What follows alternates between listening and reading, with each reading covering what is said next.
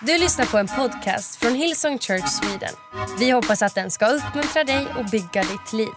För att få mer information om Hillsong och allt som händer i kyrkan, gå in på hillsong.se. Ja, varsågod och sitt, varsågod och sitt. Tack, tack. Tack Ellen. Uh, Youth hade nyårsfest här i, uh, igår och i natt och idag. Hur många här har varit här ända sedan igår? Youth, upp en hand. Kolla, titta! De kom hit igår eftermiddag, har varit uppe och firat hela natten, varit kvar här hela dagen till möte 17.00. Alltså om någon säger något negativt om den unga generationen, skicka dem till mig så ska, så ska vi ta hand om det. Ni är helt fantastiska. Stort tack att ni är här. Eh, jag hörde också att ni satte eld på en av rökmaskinerna. Det kommer faktura till Petrus på det.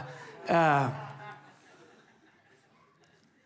jag sa, jag vet inte vad det är med youth. De är så, de är så snälla nu för tiden. Det enda som har gått sönder på en hel nyårsfest är en rökmaskin.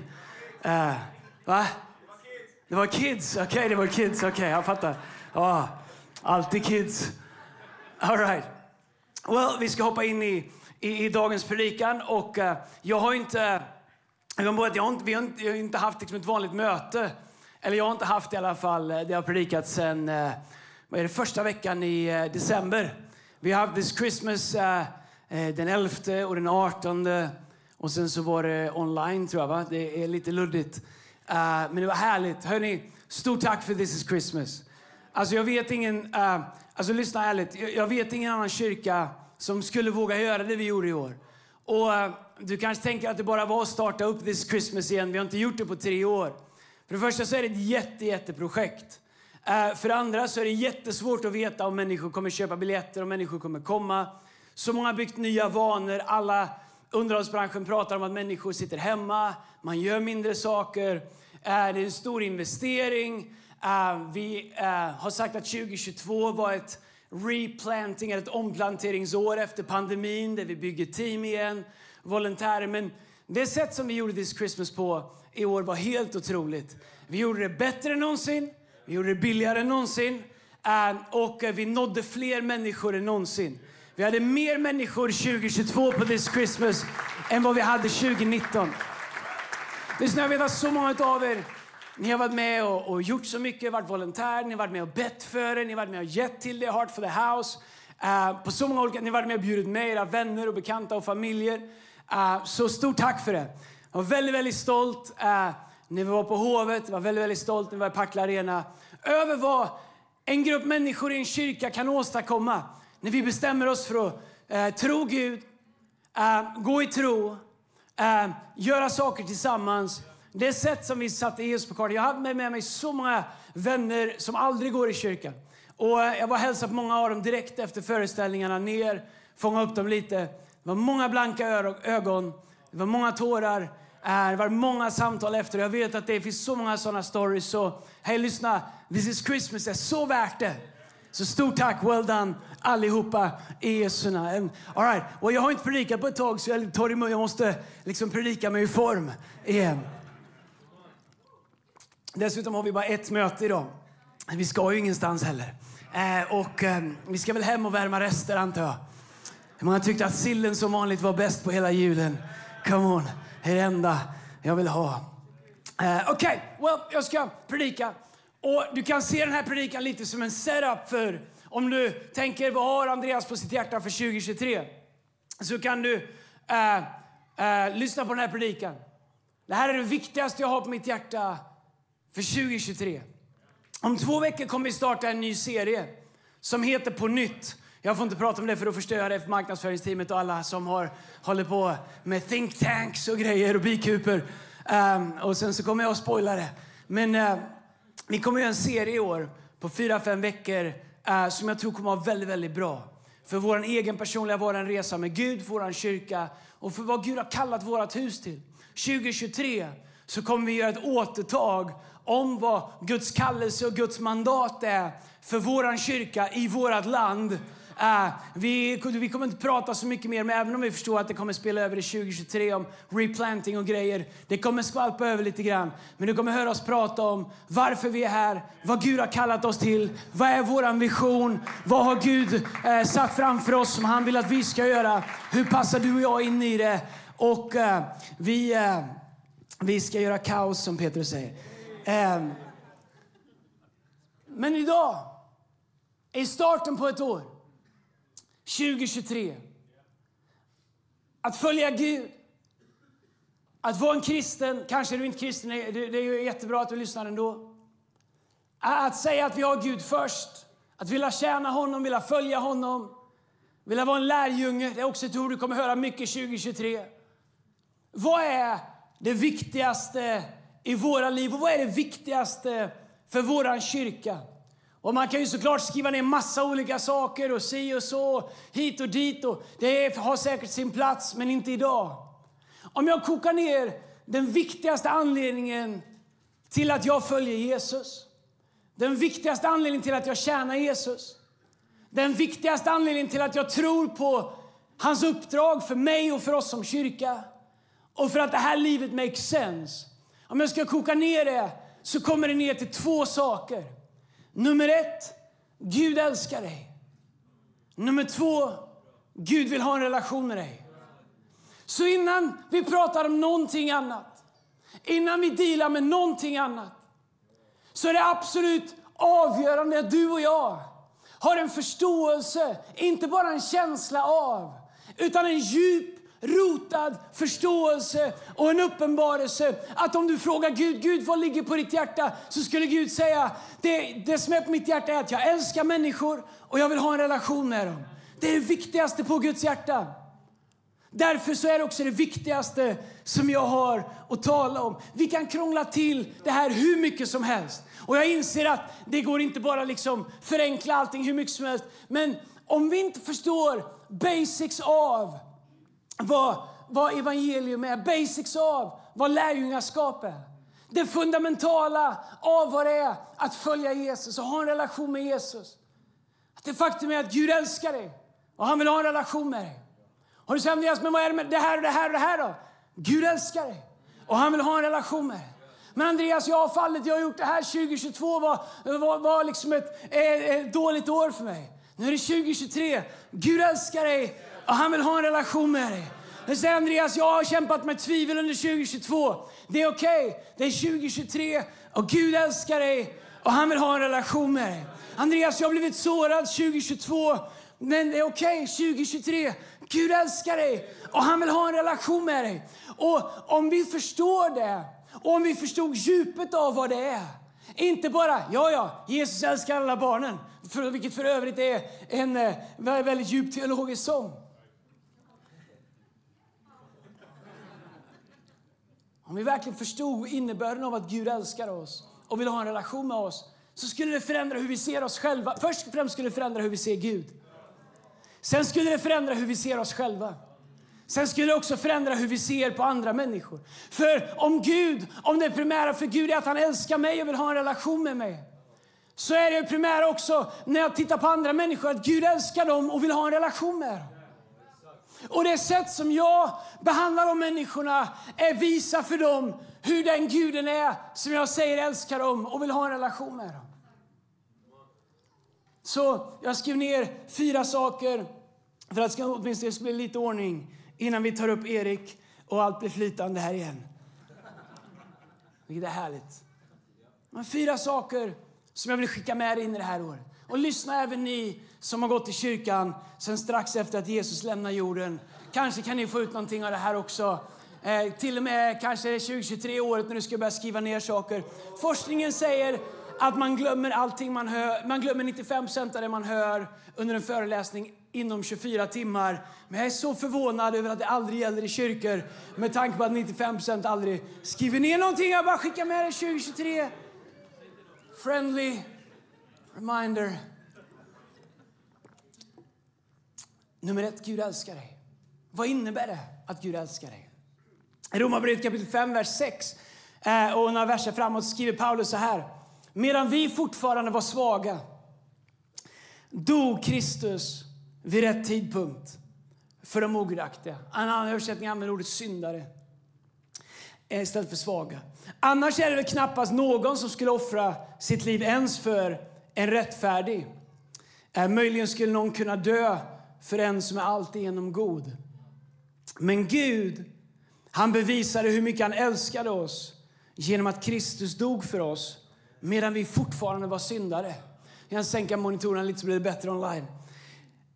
När vi nu har blivit rättfärdiga genom hans blod kan vi vara helt säkra på att han också ska rädda oss från vreden. Om vi var Guds fiender men blev försonade med honom genom hans sons död så kan vi därför när vi, när vi nu är försonade också vara säkra på att vi blir räddade genom hans liv. Okej, okay, kolla här.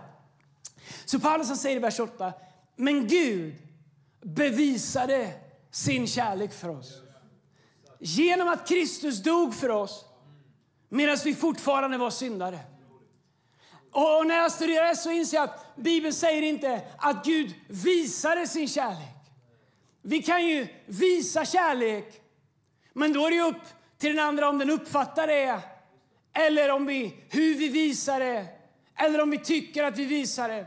Men att bevisa någonting, det är otroligt mycket mer än att bara visa någonting. Så Bibeln säger att Gud, han bevisar sin kärlek genom att Kristus dör för oss. Långt innan vi ens har bett om det. Långt innan vi ens har förstått att vi behöver det. Så bevisar Gud sin kärlek. Han säger, låt mig bevisa att jag älskar er. Ni behöver inte göra någonting. Ni har inte bett om det. Ni har brutit det här förbundet. Ni har alla gått er egen väg. Vi gick alla vår egen väg. Var och en av oss gick vilsna som får. Men allt vårt straff la Herren på honom, säger Jesaja. Och här säger Paulus att Gud han bevisar hur mycket han älskar oss medan vi alla är syndare. Han väntar inte på att göra en deal med oss. Han bevisar för oss att han älskar oss. Han tar ställning, han tar en posture och han visar så här förhåller jag mig till er. Jag älskar er villkorslöst och jag håller ingenting tillbaks. Det är min inställning till er. Och Gud han inte bara älskar oss, säger Bibeln, utan han uppvaktar oss för att visa oss sin kärlek. I Hesekiel kapitel 34, vers 11 står det så säger Herren, Herren. Vet, när det står Herren, Herren, då gäller det att verkligen lyssna. Ibland står det Så säger Herren. Men när det är Herren, Herren, då är det dags att pay attention. Jag ska söka efter mina får och ta hand om dem. Så Gud säger, jag ska söka efter mina får. Och ta, men vilka pratar han om? Pratar han om som redan är frälst? För här säger han att han bevisar sin kärlek för oss innan vi ens är eh, frälsta, innan vi ens har liksom tagit emot honom så bevisar han sin kärlek medan vi är, kärlek medan vi är syndare. Här säger han, jag ska söka efter mina får och ta hand om dem. Det engelska ordet här för söka är pursue. När jag försökte hitta en bra översättning på ordet pursue, jag frågade Lina, jag frågade Sellis, jag, jag googlade och det finns inget som vanligt bra ord eh, på svenska för de bästa engelska preachingorden, eh, typ awesome. Men pursue betyder to follow after or chase. Så Bibeln säger, Herren säger, I will pursue. Jag ska eh, jag ska följa, eller till och med ibland förfölja, eller jaga efter. To follow or chase. Bibeln säger att Gud bevisar sin kärlek för oss och att han pursue. Att han söker, att han uppvaktar oss. Det är min absoluta övertygelse att genom hela våra liv, vare sig vi väljer Gud eller inte, och även när vi har valt honom så fortsätter Gud att pursue oss. Han fortsätter att uppvakta oss. Han pockar på oss. Han styr med praktiska saker för att vi ska hamna i situationer där vi vänder oss till honom. Han använder människor runt omkring oss för att få vår uppmärksamhet, säga saker. Han visar oss sin godhet. Han visar oss sin välsignelse. Han visar Gud, pursue us. På samma sätt som jag gjorde när jag äh, såg Lina. I pursued her hard. Yes, it is. Borderline stalked. harassed maybe. Jag var så här nära en restraining order. Men grejen är att jag inser att idag på nyårs... Dagen så är det 21 år, 21 år på dagen sedan jag friade. Jag har friat två gånger till, eller minst. Men första gången jag friade. Första gången jag friade, det var inget bra frieri. Jag gick sådär. Men det är 21 år sedan idag, älskling. Och det håller än.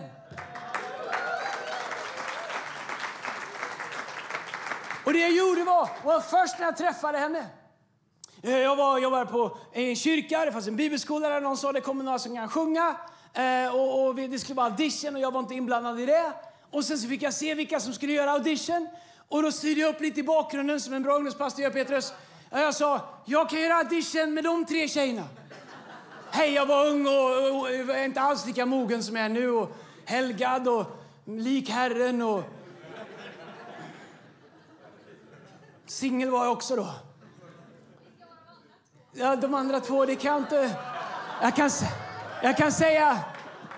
Jag kan säga att de har bleknat. Eh, jag minns inte ens. Eh, för från den dagen så har jag bara haft ögon för dig. Vi gjorde någon, vi gjorde någon audition. Det var en, ja, de fick sjunga lite, jag spelade piano. Ni två kan tysta lite, kan du sjunga? Ni två kan gå ut, kan du sjunga en gång till? En dag senare så skulle jag har berättat där innan, en dag senare skulle Lina åka till en konferens som heter Nyhem. Vi var lite olika. Jag hade bott i USA, jag var lite äldre, inte mycket äldre, några år äldre, fem. Och eh, hon hade precis kommit till Stockholm och de skulle åka med en buss ner till Nyhem. Eh, som man gör, eh, kristna ungdomar, man gör saker i flock och grupp och sådär. Och det, och det är därför det är så svårt ibland att dejta dem, därför att de rör sig i stora grupper. Och det är dyrt att dejta alla, då är det svårt att välja ut en. För de rör sig liksom i flock så här. Och jag tänkte jag måste skilja ett av fåren från den stora jorden. Eh, och eh, då hade jag, eh, så jag sa, eh, jaha, ska du också ett nyhem imorgon? Det ska jag också. Hej, man får inte ljuga, men man får liksom make it up as you go om du ska hitta den Herren har för dig. Eh, eh, jag sa, ja, men, eh, och jag hade lånat en bil och det här blir folk arga när jag säger så det säger jag inte för att få så mycket mail. Eller så hamnar jag i någon blogg någonstans. Men jag sa, jag har en bil, en fin bra bil. Så eh, eh du kan antingen åka bussen med alla de andra eller så kan du åka med mig i min bil. För jag skulle nämligen också till Nyhem imorgon. Skulle jag inte, men det var det värt. Jag tänkte fyra timmar kanske jag saktare, fem timmar till Nyhem och sen ska vi hem igen. Och hon sa, nej jag åker gärna buss. Och jag sa, inte en chans. Pursue! Det är det vi pratar om här. Alltså inte bara, du vet lite grann, pursue. Nästa morgon stod jag utanför och tutade så, eh, som en riktig pursuer slash stalker gör. Jag fick en åka med i bilen. Jag tog svängen förbi Tidaholm. Jag tänkte, gillar de Tidaholm, då är 5 vunnet. Om de inte gillar Tidaholm, då kommer det aldrig gå. Jag åkte till Nyhem. Vi hade mysigt i bilen, pratade sådär och lyssnade musik och whatever. Jag kommer inte ihåg så mycket av det. Men eh, eh, vi kom till Nyhem och hon försvann. En pep iväg där. Och jag åkte hem. Eh, och, eh, och så där var det. Och eh, något halvår senare så hade vi gjort slut för några månader sedan. Och, eh, jag vet inte vad det var. Men eh, det gick så där tror jag. Och, eh, men på nyårsdagen hade vi haft en konferens. Hon var trött, jag var trött. Alla var trötta. Tänker liksom när man har gjort allt This is Christmas, precis packat ner och alla, allt är klart. Liksom man är emotionellt slut och trött och gråter och tycker inte om någon, har inte ätit, har inte duschat, har inte gjort någonting. Då står en predikant bredvid mig som var talare från USA. Han sa, dejtar du fortfarande henne? Jag sa, vadå då? Uh, och han sa, nej men om du inte dejtar henne, är det okej okay om jag bjuder ut henne?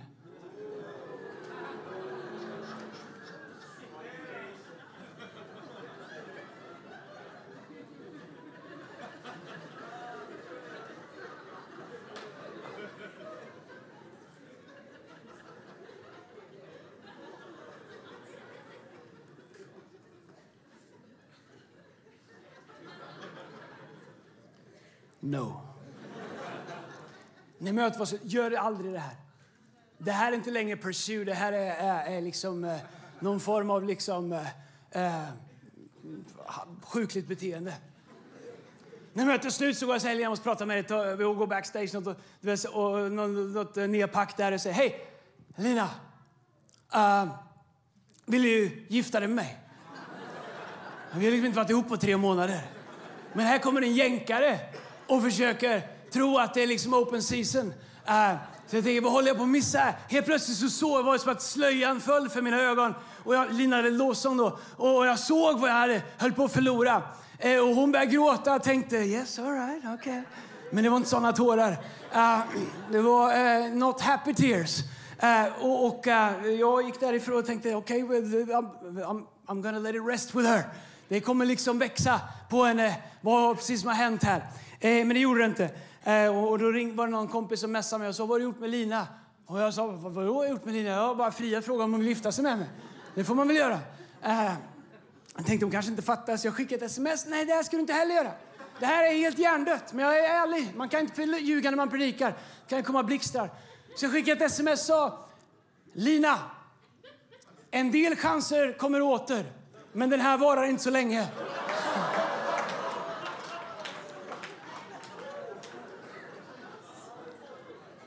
21 år sedan idag, älskling. Kom och tänka på det. 21 år sedan. Jag fick inget svar. Men dagen efter så hade jag sovit saken, liksom eh, fått mina förnuft tillbaka. Hörde av mig och frågade, kan vi ses? Vi behöver liksom, jag behöver bara liksom ge lite kontext till det här. Och då gick jag ner på knä och frågade om jag fick spendera resten av mitt liv Eh, till att göra henne till världens lyckligaste kvinna. Jag har inte alltid levt upp till det, men jag har gjort mitt bästa. 21 år senare så hänger vi ihop. Because I pursued her. Och fortsätter att pursue her även idag. Men vet du grejen är? Gud är inte lika pucko som jag är. Uh, han är mycket bättre. Och han är mycket smoothare och han är mycket han, han är bättre på alla sätt. Men vet att Gud, vare sig du inte är troende alls eller du har varit det jättelänge. Gud fortsätter att pursue dig. Gud älskar dig. Och han fortsätter efter att söka sätt att få vara med dig att ha relation med dig. Inte bara hur han kan använda dig eller vad du kan göra för honom. Eller hur han kan jobba på dig och fixa dig eller, eller göra dig lite bättre eller helga dig eller gå till rätta med dig. Gud älskar dig och det är det som evangelium börjar i. Att Gud älskar dig så mycket att han bevisar sin kärlek när du är fortfarande en syndare, när jag är en syndare. Och han gör det genom att söka efter dig. Igen och igen och igen och han fortsätter att göra det genom hela våra liv. Kärlek blir en relation när båda parter responderar. Annars kallas det tvång. Det är därför som Gud aldrig tvingar sig på det. Säger, om Gud finns, varför gör han inte bara det, det? Därför att kärlek bygger på att två stycken väljer varann. Allt annat är någon form av ohälsosamt tvång eller förtryck eller övergrepp. Men Gud är inte sån. Gud är kärlek, definierar det bästa av kärlek, även Gud är. Så han börjar med att bevisa sin kärlek till dig. Det är viktigt att du förstår det här, du som tycker, kanske om det är någon som tycker att det här är väldigt banalt. Nej, det, och kanske för dig, det kanske bara är för mig det är svårt. Det här är det djupaste i hela skriften. Det här är det djupaste i hela evangeliet. Att Gud, som inte har någon anledning efter att vi har gått vår egen väg, vänt honom ryggen, förnekat honom, förnedrat honom, valt bort honom. Vi som var skapade av honom till gemenskap med honom. Vi sa, vi behöver inte dig. Vi väljer bort dig. Vi väljer oss själva. Vi, vi vill inte ha med dig att göra. Ändå så väljer han att bevisa sin kärlek för oss. Fast han, eh, om han hade varit en människa, hade varit kränkt, hade varit sårad, hade varit ledsen, hade varit liksom bortvald och bortvänd ifrån, så fortsätter han. Och även i Gamla Testamentet, vi hinner inte gå in på det, om vi läser lagen, så även när, lag, när vi lever efter lagen så fortsätter Gud att pursue oss. Han gör det när han kallar Moses till att leda Israels folk till frihet. Han gör det när han reser upp profeter, när han reser upp kungar och när han gör mirakler. Berättelsen om Hosea och Gomer, jag läste den häromdagen, är en fantastisk berättelse om hur Gud fortsätter att välja oss. Att när vi är trolösa så förblir han, säger Bibeln, trofast. Så älskar han oss med en evig kärlek. David säger med evig kärlek har du älskat mig. Därför låter du din nåd förbliva över mig. Gud älskar dig. Och han fortsätter att pursue dig. Och det är fantastiskt.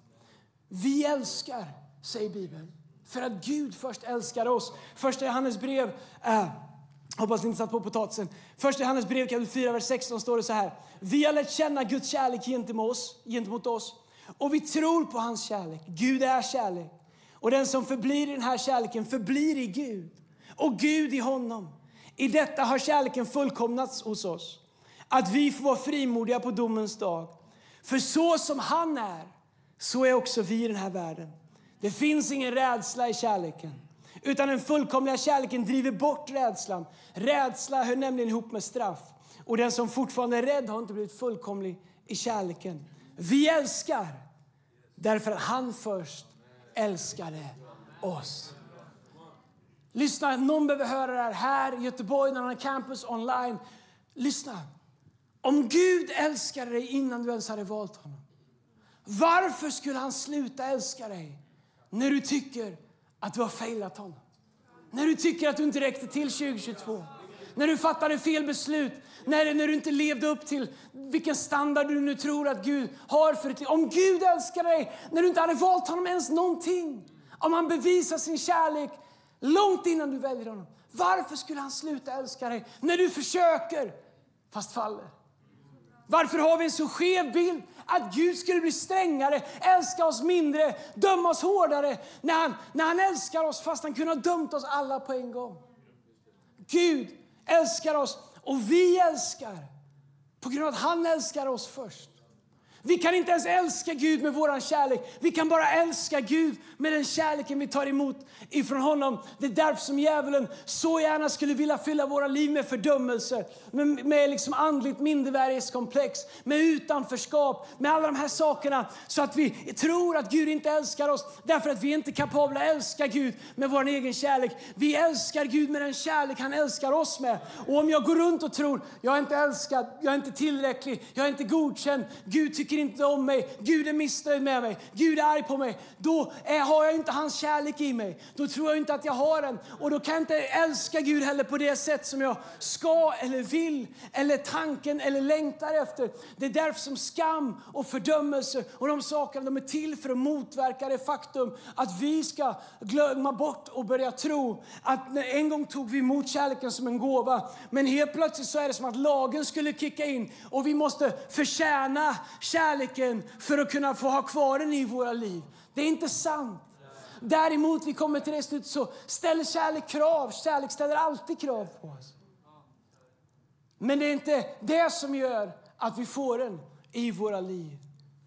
Men Guds kärlek gör anspråk på oss. Om jag bara får vara äh, under ett ögonblick lite pastoral.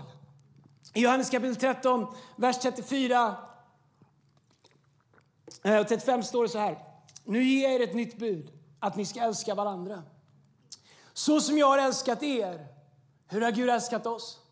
Villkorslöst. Bevisat sin kärlek. Pursued us. Inte gett upp på oss.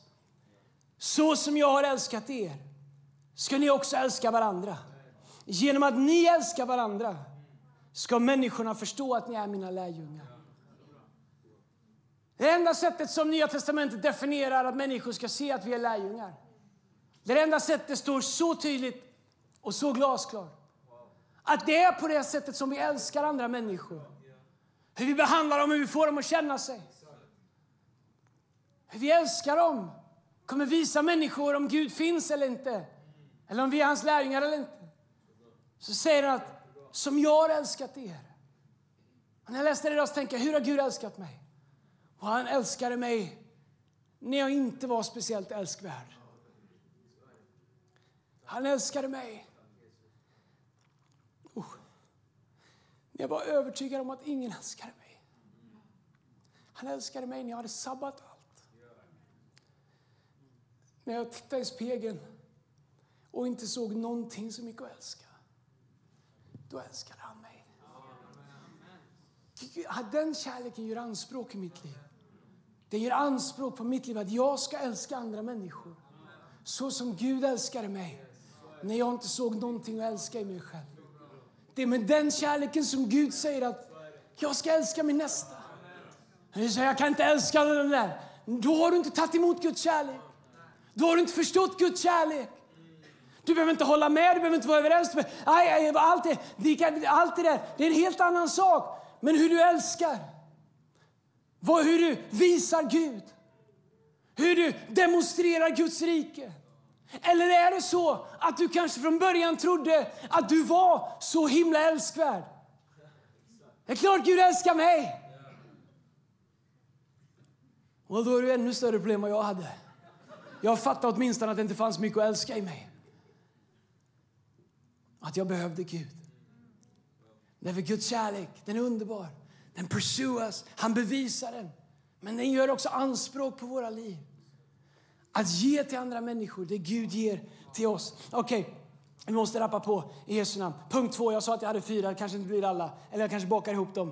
Uh, jag predikar till Erik börjar spela, det är han som bestämmer. Nummer två, Gud vill ha en relation med dig. I Johannes kapitel 1, vers 14 står det så här, och ordet blev människa och levde bland oss.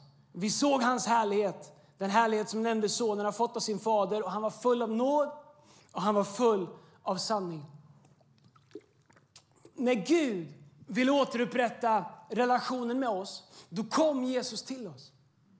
Det är viktigt för oss att förstå att när Gud ville ha en relation med oss, då kom Jesus till oss, levde med oss, blev som oss. Alltså Guds eh, sätt att bygga en relation med oss, det var att be sin egen son lämna sin tillvaro och komma till oss.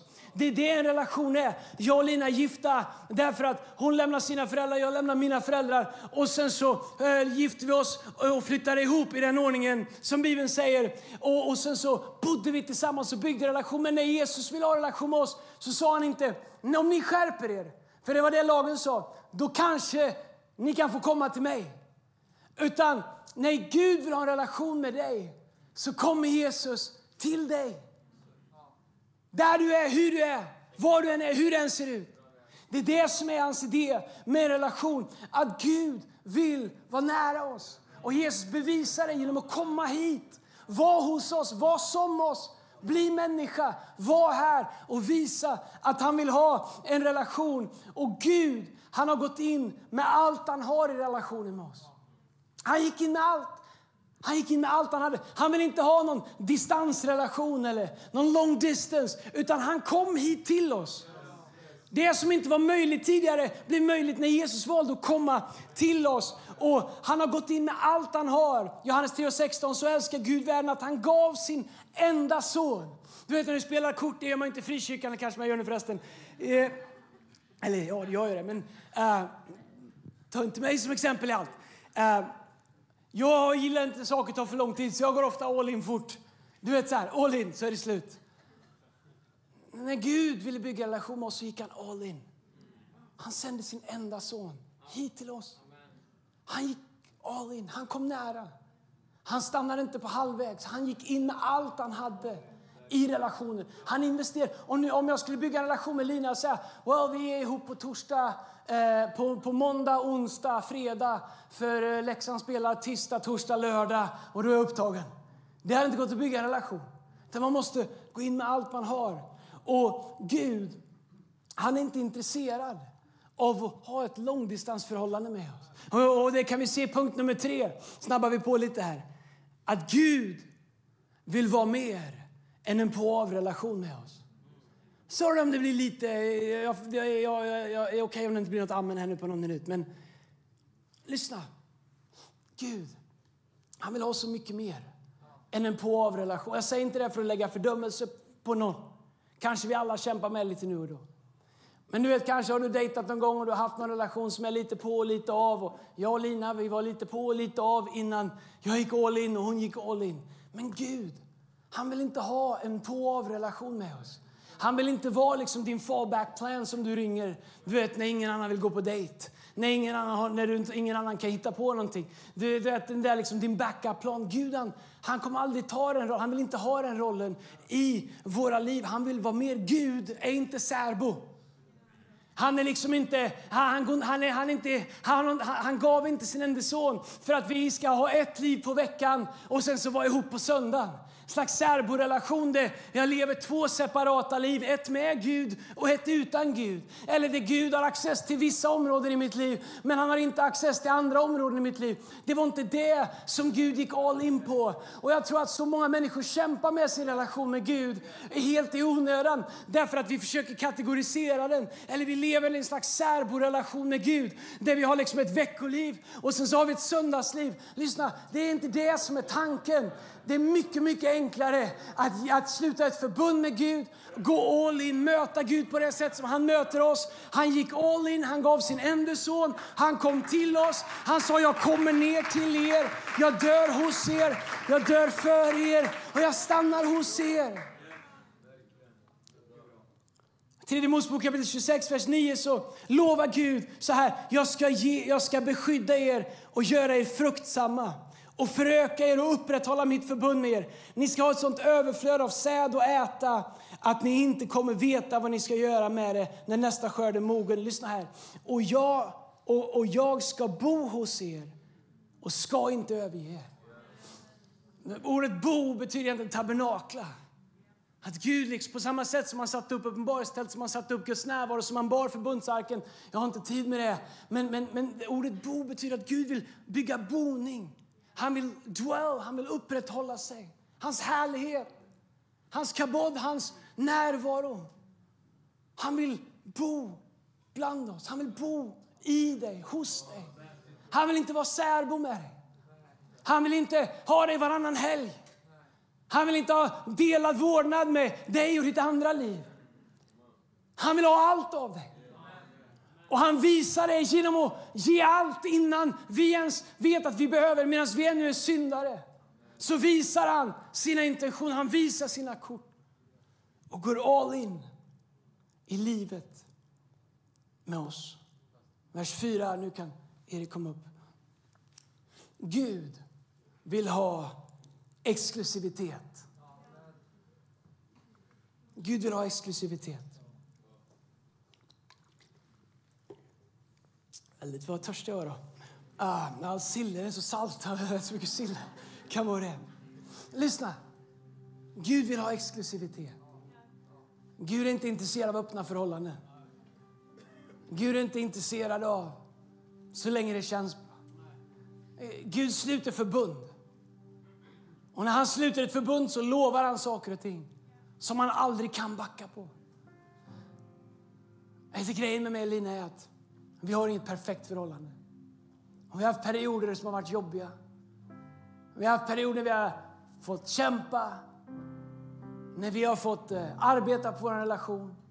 Ibland har utmaningarna kommit inifrån mellan oss, ibland har de varit utifrån mot oss. Och vi har inte alltid gjort alla rätt. Men vi har alltid haft exklusivitet. Det har vi aldrig haft options. Det finns ord som vi aldrig tar i våran mun. Det finns saker vi aldrig har talat ut och aldrig kommer tala ut. Därför att när jag sa ja till Lina och hon sa ja till mig så sa vi ja till exklusivitet. Hon är min fru, jag är hennes man. Det spelar ingen roll vad vi behöver jobba på, så förändras inte det. Det spelar ingen roll vilka som försöker fresta mig, så förändras inte det. Jag har valt exklusivitet med Lina. Och det påverkar mitt liv på alla möjliga sätt. Det påverkar praktiskt vad jag gör när jag reser. Det finns saker jag inte gör. Jag är aldrig själv i en bil, jag är aldrig själv på en restaurang, jag är aldrig själv i en lobby. Varför Andreas, kan du inte sköta det? Kan du inte hålla det? Jo, absolut jag kan, men jag har valt saker och ting som hjälper mig att inte hamna i situationer där jag någonsin behöver förhandla om min exklusivitet därför att den är så viktig för mig. Det är mitt förbund. Allt jag har är hennes, allt hon har är mitt. We're in this for life. Och det är det Gud vill ha i relationen med mig. Jag tänker alla gånger som jag inte fattar det och jag ger Gud någonting mindre. När jag fattar inte att han vill ha mig ibland överhuvudtaget. Det han ger mig är så mycket bättre än det jag har att ge till honom. Och, och, och det faktum är att jag måste inte ens vara färdig innan jag får ge mig till honom. Utan Bibeln säger att Gud han tar oss som vi är. Uppenbarelseboken säger att han knackar på våra hjärtan. Om någon öppnar sin dörr så kommer han in och håller måltid tillsammans med honom. Det är också kopplat till ett. Han bygger bo, han tar plats där inne. Gud vill bli exklusiva med oss fast vi inte är färdiga. Fast vi inte är klara, fast vi får jobba på vår frälsning eller på vår helgelse hela livet. Men när vi väljer exklusivitet med Gud så väljer vi också ett liv som antingen skyddar och stärker den exklusiviteten eller som skadar och söndra den. Om jag säger att jag vill ha exklusivitet med Gud så innebär det att jag väljer bort massa andra saker. Men för mig vad det gäller Lina har det aldrig varit svårt. Det har aldrig varit ett offer att välja bort andra saker andra relationer, andra saker. Att välja Lina först har varit väldigt enkelt för att jag älskar henne väldigt mycket. Och vi har så mycket tillsammans som Gud har gett oss. Vi har gått igenom så mycket och vi har redan betalat ett för högt pris för att sälja nu. Och, och därför så är det så värdefullt så när jag måste försaka eller välja bort saker så är det ingen big deal. Därför att det jag vinner är värt så oerhört mycket mer. Och det är samma sak med Gud. Att när du förstår vem Gud är, när du förstår hans kärlek, när du förstår hur han förhåller sig till dig, när du förstår vad han har för dig, när du förstår hur trofast han är, när du förstår vad löftet är, när han säger jag ska beskydda er, jag ska göra er fruktsamma, jag ska föröka er och jag ska upprätthålla mitt förbund med er. Ni ska ha ett sånt överflöd av säd och äta att ni inte kommer veta vad ni ska göra av det. När nästa skörd är mogen, jag ska bo hos er och inte överge er. Om ni förstod, om vi förstod vilket, vilket löfte den exklusiviteten bär med sig i förbund och löfte och att det dessutom är beseglat med hans sons blod som gav sitt liv för oss när vi ännu var syndare. Då skulle vi säga Gud, det här låter för bra för att vara sant, men Gud, om du verkligen vill ha mig, då vill jag vara exklusiv med dig. Då väljer jag dig före min egen vilja, före min stolthet, före mina frestelser före avfällighet. Före det som köttet vill att jag ska göra. Att anden och köttet står i krig. Men jag säger inte att vi alltid kommer lyckas. Men exklusivitet säger Gud, jag väljer dig. Att vara gift är att igen och igen säga ja, jag väljer dig. Ja, jag väljer dig. När vi är solbrända och, och tränade och känner oss fräscha. Jag väljer dig. När ungarna har spytt i håret på oss båda och vi inte har ätit på två dagar. Hur ser det ut som... Äh, då valde hon mig ändå. Vet du. Och jag valde henne. Igen och igen och igen. Och det är det Gud gör. Han ser oss, ibland med våra smutsiga kläder. Han säger, jag har valt dig. Jag väljer inte om. Och han väljer inte bort. Och när vi väljer att göra samma sak så säger Gud att han har lovat oss så mycket.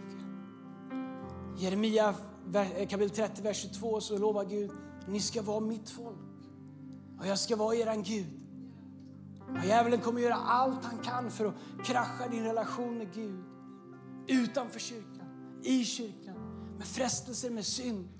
Med någon som gör något, med någon som säger Han kommer använda allt som går därför att han vill in mellan din och Guds exklusivitet. Han vill ta sig in där. Han vill få dig att förhandla. Han vill få dig att få en särbo-deal. Eller varannan vecka-deal. Därför så är Hebreerbrevet 12, vers 1 och 2 en bra påminnelse. Vi ska avsluta med det här. När vi nu har en så stor sky av vittnen omkring oss. Låt oss då lägga bort allt som tynger och särskilt synden som snärjer oss så hårt och löpa uthålligt i det lopp som vi har framför oss. Och låt oss ha blicken fäst på Jesus, trons upphovsman och fullkomnare. Gud älskar dig. Jag vill att du ska gå in i det här året och veta att Gud älskar dig. En del av er ni behöver höra det. Gud älskar dig. Han började älska dig innan du, innan du fanns, innan du valde honom. Gud vill ha en relation med dig. Han vill ha en djup, livslång, committad relation med dig. Han har lovat att aldrig lämna dig, han har lovat att aldrig överge dig. Han har lovat att aldrig svika dig. Han har lovat att om tusen faller på din högra sida, om tiotusen faller på din vänstra sida så ska du stå kvar. Han vill inte ha en av och på-relation med dig. Han vill ha exklusivitet. Han vill vara din Gud. Och han vill att du ska vara hans barn, hans folk. Och mitt i allt som vi bär på, mitt i allt som vi kämpar med, så kan vi välja det igen och igen och igen. för att leva det liv som Gud har för. Vet, jag tror att så ofta i våra liv så är vi ett sånt val bort ifrån att så många saker i våra liv skulle hitta den plats som Gud har tänkt. Så många saker vi bär på och kämpar på skulle hitta sin plats och lösa sig. Om vi valde Gud, om vi valde exklusivitet, om vi vågade tro honom om hans kärlek som han har lovat. Kom on, ska vi stå upp tillsammans på våra kampsar medan lovsångsteamet kommer fram.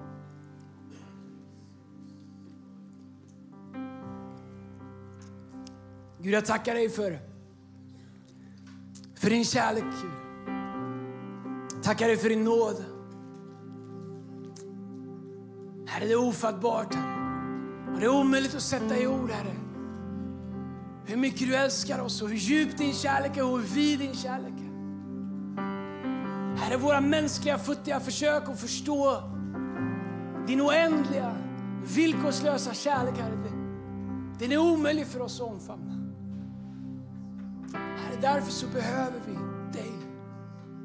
Vi behöver din kärlek för att kunna älska dig.